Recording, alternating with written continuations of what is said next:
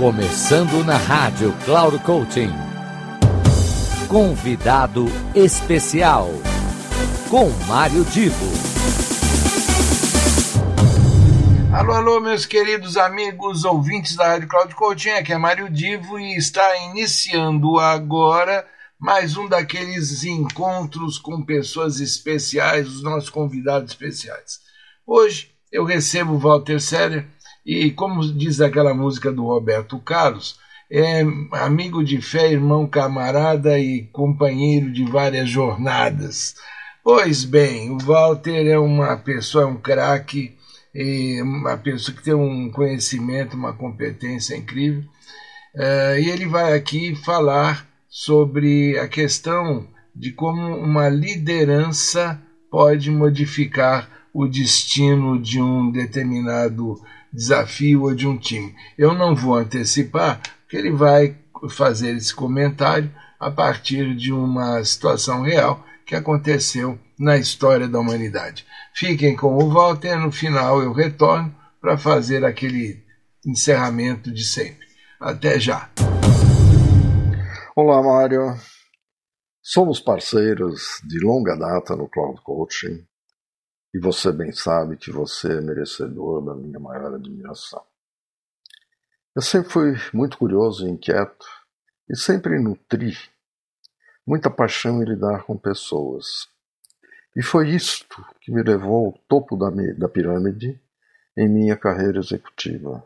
Por mais de 20 anos, eu fui presidente e CEO de grandes empresas. E agora, ao abandonar a selva corporativa, eu atuo como mentor e coach para executivos, tendo mais de duas mil horas de trabalhos realizados. Eu vou aproveitar aqui esse espaço que você gentilmente me forneceu para, uma, para contar uma história que ocorreu há cerca de 600 anos, em uma batalha, a Batalha de Azincourt, que ocorreu na Guerra dos 100 Anos entre a França e a Inglaterra. De um lado, nós tínhamos o exército francês, com cerca de 30 mil homens. De outro lado, nós tínhamos o exército inglês, já cansado por outras batalhas e com apenas 6 mil homens. Pois não é que este pequeno exército de 6 mil homens venceu a batalha e registrou apenas 400 vidas perdidas, ao passo que seu oponente registrou 5 mil. Essa bela história é retratada e romanceada na obra de William Shakespeare, que exalta a vida do rei Henrique V, que governou a Inglaterra na segunda metade do século XV. O fator que determinou a vitória dos ingleses foi a liderança exercida por Henrique V, que, ao contrário dos líderes de seus inimigos, motivou e engajou seus soldados. E, o mais importante, estava com eles na frente de batalha. Henrique V também praticou algumas lições de liderança tanto exaltadas no mundo atual, e dentre elas eu posso destacar. Número 1. Um, buscar e nutrir uma visão e inspirar os outros a segui-la. Número 2 transformar algo negativo em positivo, ou encontrar ou na lama. E a terceira, compartilhar e reconhecer o sucesso coletivo, talvez a mais importante. Este é apenas um bom exemplo de que podemos buscar na história e nas biografias exemplos e ensinamentos valiosos quando falamos em liderança.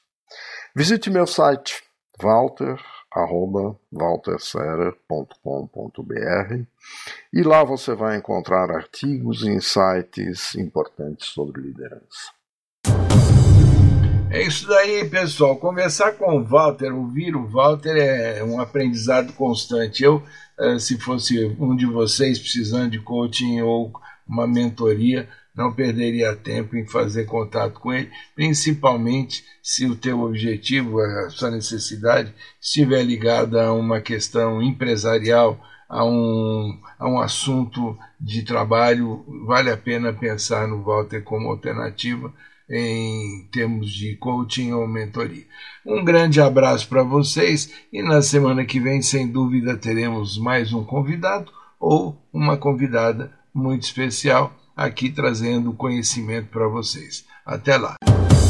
Final do programa Convidado Especial.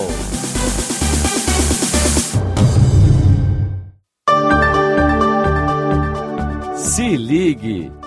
Semanalmente você ouve o programa Convidado Especial, sempre na segunda-feira às 15 horas, com reprise na terça às 5 e meia da tarde e na sexta-feira às 10 horas da manhã. Quem será nosso convidado ou nossa convidada? A surpresa é nossa e a revelação e apresentação de Mário Divo, sempre aqui na Rádio Cloud Coaching. Acesse nosso site radio.cloudcoaching.com.br. Confira toda a programação e baixe nosso aplicativo na Google Store.